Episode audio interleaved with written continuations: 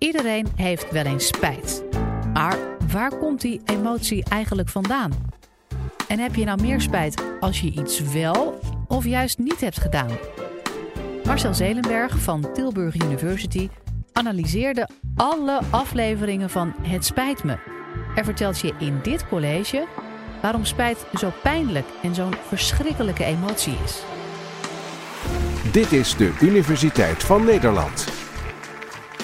Stel je voor, je hebt ergens heel erg spijt van. Je hebt iets doms gedaan, je hebt iemand beledigd, je bent niet op een verjaardag komen, uh, komen opdagen terwijl je dat beloofd had. En je wil je excuses aanbieden. Nou, dat kan natuurlijk, uh, dat kan je doen. Maar in de jaren negentig kon je dat op tv doen. Er was een programma bij RTL 4, dat heette Het Spijt Me, waarin Caroline Tense mensen uitnodigde om op tv hun excuses te komen aanbieden. En dat ging als volgt. Caroline Tensen nodigde iemand uit, die kwam daar vertellen. Dat ging gepaard meestal met een hoop tranen en emoties over wat er gebeurd was. En uh, wie die andere persoon was, waar die uh, persoon nog spijt van had. Dan ging een medewerker van Caroline Tensen met een bosje bloemen naar die andere persoon toe. Om te vragen hoe dat allemaal gebeurd was. En uiteindelijk, je ziet het hier um, op, op, op het beeld. Uiteindelijk is dan de vraag, accepteren die mensen de excuses? Komen ze terug naar de studio en dan gaat de deur open en als ze daar dan staan, dan hebben ze die excuses geaccepteerd en dan is het probleem opgelost. Superleuk programma. Ik keek daarnaar in de jaren 90 toen ik aan het promoveren was op de Universiteit van Amsterdam en een vrij technisch promotieonderzoek had naar de rol van geanticipeerde emoties bij het maken van, uh, van keuzes.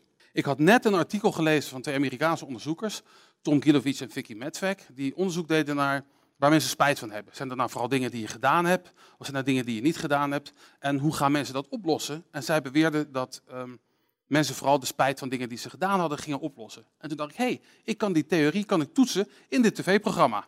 Ik bel uh, RTL en ik zeg, kan ik dan van jullie uh, al die opnames hebben? Want dan kan ik dat gebruiken voor mijn onderzoek. En RTL zei, uh, nee, daar hebben we geen interesse in. Wat hebben wij eraan? We gaan niet meedoen. Dus ik schoot al in een depressie. Totdat ik een dag daarna in de tv-gids keek en zag dat ze ochtends, want die, ja, ze moeten toch wat uitzenden, de herhalingen van die shows van de voorgaande jaren gingen uitzenden. Dus wat heb ik gedaan? Ik heb een aantal uh, videobanden gekocht. Ik weet niet of mensen ze nog kennen. En ik ben dat uh, programma gaan tapen. Video aan en tapen. En ik heb uiteindelijk drie jaargangen kunnen opnemen. Dat waren in totaal 18 uh, uitzendingen met daarin 84 cases van het spijt me. Die hebben we geanalyseerd. Hebben we gekeken Um, waar, uh, waarom komen mensen er nou? Komen ze nou omdat ze spijt hebben dat ze iets gedaan hebben? Iemand een klap gegeven, iemand beledigd? Of komen ze daar omdat ze spijt hebben van iets wat ze niet gedaan hebben? Um, niet op een verjaardag opkomen dagen of een vriend niet gesteund die een moeilijke tijd had. En net als die theorie van uh, en Metvek uh, suggereerde, vonden we dat mensen daar veel vaker komen voor dingen die ze gedaan hebben. Ongeveer drie keer zo vaak als voor dingen die ze niet gedaan hebben. Een andere voorspelling die we ook wilden toetsen, die ook uit die theorie kwam, is hoe lang duurt het nou voordat mensen daar komen? Uh, want als mensen vooral wat doen aan acties, dan zal, het dan, dan zal het langer duren voordat ze daar komen met hun inacties. En toen dachten we van tevoren, hoe gaan we dat onderzoeken? Dat zal vast wel moeilijk worden. Ja, gelukkig in al die verhaaltjes vertellen die mensen gewoon wanneer dat gebeurd was. En als ze dat niet vroegen, vroeg Caroline Tens altijd, uh, zeg wanneer was dat eigenlijk? Dus dat was voor ons heel erg makkelijk. En we vonden daar dat ongeveer een jaar zat tussen het gebeurde en de mensen op tv kwamen voor de dingen die ze gedaan hadden. En ongeveer drieënhalf jaar tussen de dingen die ze niet gedaan hadden, waar ze spijt van hadden en ze op tv kwamen. Nou, dat, dat was heel aardig. En dat, voor mij toonde dat aan dat als je onderzoek doet naar zoiets als spijt, dat je ook gewoon um, dingen die in het echte leven kan gebeuren, kan gebruiken om onderzoek naar te doen. Nou, dat was een, uh, een interessant onderzoek, hebben we een mooie publicatie over geschreven. Um, maar is niet de kern van het onderzoek wat wij gedaan hebben naar spijt. Ik ben economisch psycholoog. Economisch psychologen zijn geïnteresseerd in hoe mensen keuzes maken. Hoe kiezen wij, hoe maken wij beslissingen? En spijt is daarbij de essentiële emotie. Spijt is de enige emotie die we voelen, als we, uh, die, we, die we voelen in, in, in context van beslissingen. Um, laat ik een voorbeeld geven. Ik uh, werk en woon in Tilburg. Ik ga vaak op de fiets naar mijn werk. En als het regent en ik kom aan uh, nat op het werk, dan heb ik spijt dat ik geen paraplu heb meegenomen. Ik heb geen spijt van de regen, daar ga ik niet over, daar heb ik geen controle over. Maar die paraplu had ik kunnen meenemen. Dus die keuze is essentieel voor spijt. We kunnen heel veel andere emoties ook voelen als we beslissingen nemen. Je kan teleurgesteld zijn, boos, trots, verdrietig. Maar al die emoties kan je ook voelen als er geen keuze is. Je kan teleurgesteld zijn als je een cadeau krijgt wat je niet leuk vindt. Of je kan uh, trots zijn als uh, je kind een mooie prestatie uh, bereikt. Of je kan boos worden als iemand voordringt. Er zijn geen keuzes van jezelf voor nodig Maar spijt voel je alleen maar als je een keuze hebt gemaakt. Dus voor economisch psychologen is spijt cruciaal. Er zijn twee andere elementen die belangrijk zijn bij, bij spijt. Spijt, de meeste emoties hebben te maken met iets wat gebeurt. Spijt heb je vooral van iets dat niet gebeurd is. Dus, um, uh, en daarbij, omdat het te maken heeft met die keuzes, is het vooral ook erg pijnlijk, want het, het, het, richt je eigenlijk op je eigen rol in het veroorzaken van die negatieve uitkomst. Dus je voelt je dom, je voelt je schuldig, um, je, het is je eigen schuld en je baalt ervan. Nou, kan je nou herkennen of mensen spijt hebben? We zien hier uh, uh, zes mannen die spijt hebben omdat ze iets gedaan hebben met een vrouw die niet hun eigen vrouw was, maar hun eigen vrouw kwam er op een gegeven moment achter. En dit is hoe ze eruit zien als ze dan hun excuses uh, aanbieden. En ik realiseer me natuurlijk ook dat dit is, of dit nou een echte spijtbetuiging is of dat dit strategisch is, dat weet ik niet. Maar het aardige is, je ziet wel iets in die gezichten wat uh, uh, overeenkomt. Die lippen zitten op elkaar gedrukt, ze kijken eigenlijk een beetje naar binnen gekeerd. En dat zelfverwijt en die schuld, die zit, um, die zit in die spijt.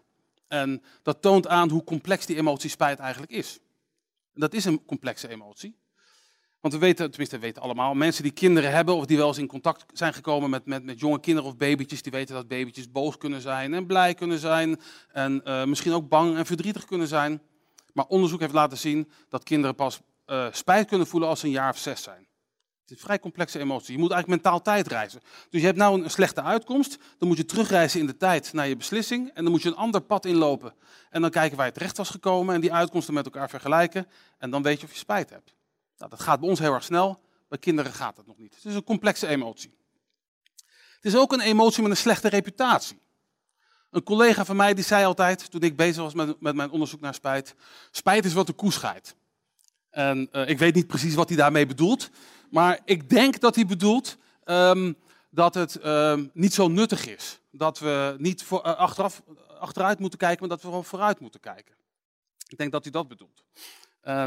Toen ik in 1996 promoveerde op mijn, uh, op, op, mijn onderzoek aan de Universiteit van Amsterdam, toen uh, zei een tante van mij, nou hartstikke leuk dat je nou gepromoveerd bent, maar uh, het is niet zo nuttig hè, dat onderzoek van jou. Het is eigenlijk niet, een beetje niet, niet echt toepasbaar.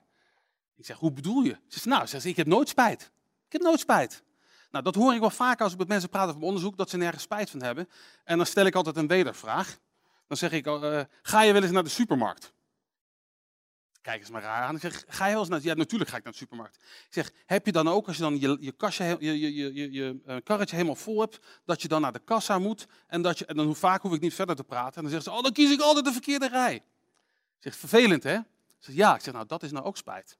Spijt is dus iets wat je niet gekozen hebt, um, iets wat, wat, wat eigen schuld is en wat heel erg pijnlijk is. En ik denk dat dat nou juist de sleutel is tot het nut van spijt. En spijt is nuttig juist omdat het zo pijnlijk is. Omdat het zo pijnlijk is, zorgt het ervoor dat wij uh, onze fouten herinneren en van onze fouten leren. Een ezel stoot zich in het gemeen slechts één keer aan dezelfde steen. Waarom? Dat doet heel erg pijn jezelf aan die steen stoten. Dus dan weet je wel waar die ligt. Nou, hetzelfde gebeurt met fouten die wij maken. Wij maken fouten en wij herinneren die beter.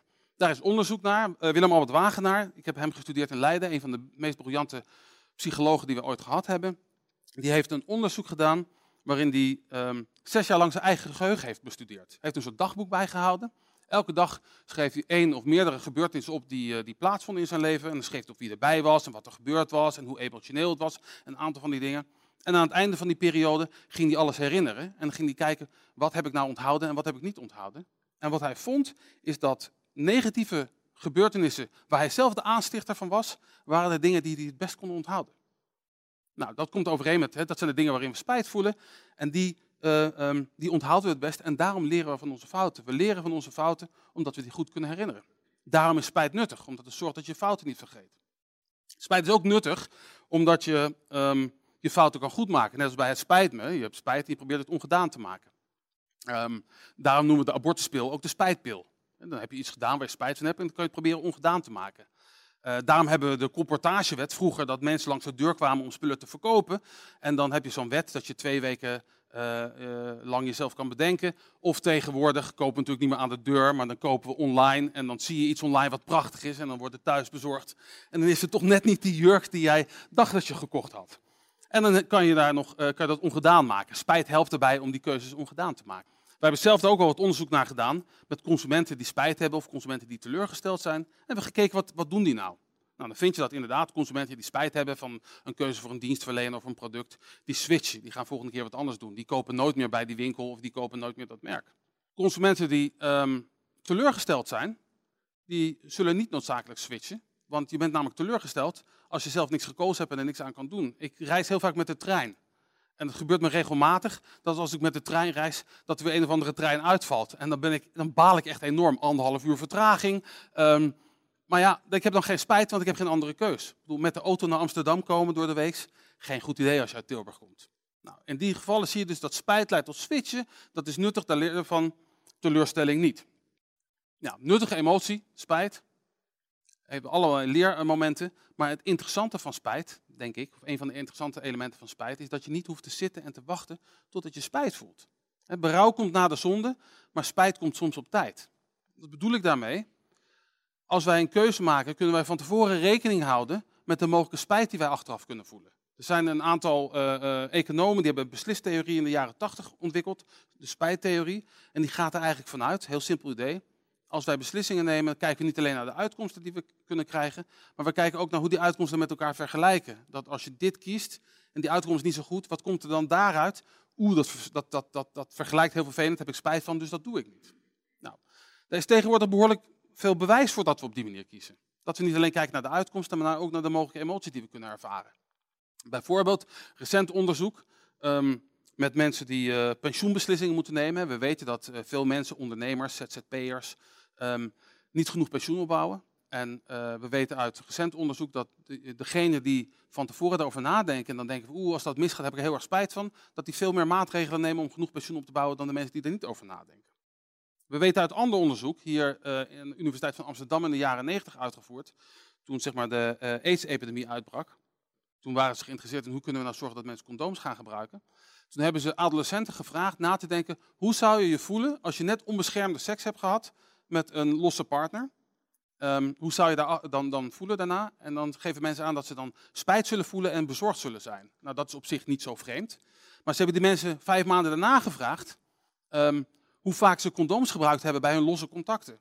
En dan vonden ze dat de mensen die nagedacht hadden over spijt, aangaven vaker condooms gebruikt te hebben dan de mensen die daar van tevoren niet over nagedacht hadden. Wat dus suggereert dat het ook nog kan helpen bij zelfbeschermend gedrag. En dat onderzoek hebben ze ook nog gedaan met vaccinaties, met uh, uh, screening op huidkanker, op borstkanker enzovoort. Dus als wij rekening houden met mogelijke gevoelens van spijt achteraf, dan kunnen we onze keuzes zo aanpassen dat we onszelf in bescherming nemen. En dat suggereert dat we dit ook kunnen gebruiken. Dat, dat we zeg maar, beïnvloedingstactieken kunnen maken of kunnen inzetten om te zorgen dat mensen hun gedrag aanpassen. Nou, um, in Zwitserland hebben ze dat condoomgebruik-idee serieus genomen. Hebben ze een uh, uh, campagne begonnen uh, waarin ze proberen mensen te focussen op de mogelijke spijt achteraf. Om te zorgen dat het leidt tot meer condoomgebruik. Ik was um, een tijdje geleden, volgens mij een jaar of twee geleden, in de Achterhoek. En toen zag ik ineens een billboard staan, je krijgt spijt als je te hard rijdt.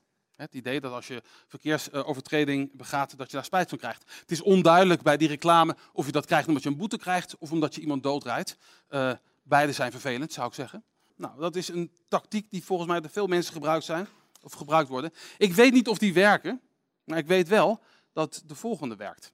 Um, hier is een envelop die ik um, een aantal jaar geleden thuis kreeg uh, bij mij in Tilburg. In 5037 ND wonen thans zes uh, potentiële winnaars. Ik dacht, wat betekent dit? Nou, dit is een brief van de postcode loterij.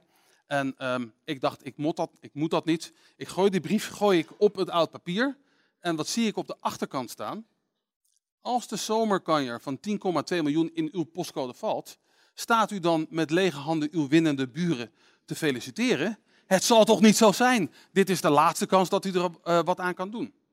Nou, wij noemen dit een spijtappel. Een, een, communicatieve uiting waarin mensen proberen je gedrag te veranderen door een beroep te doen op gevoelens van spijt. En deze werkt. Dat weten we, want hier hebben we onderzoek naar gedaan.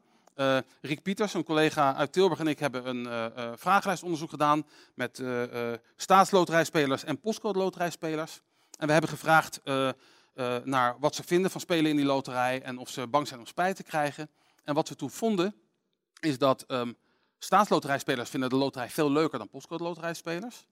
Toch spelen postcode loterijspelers omdat ze vooral bang zijn dat ze achteraf spijt zullen krijgen.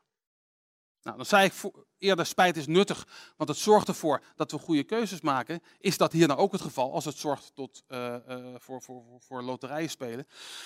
Ik denk het niet, maar het zorgt er in ieder geval voor dat we onszelf beschermen tegen de mogelijke gevoelens van spijt achteraf.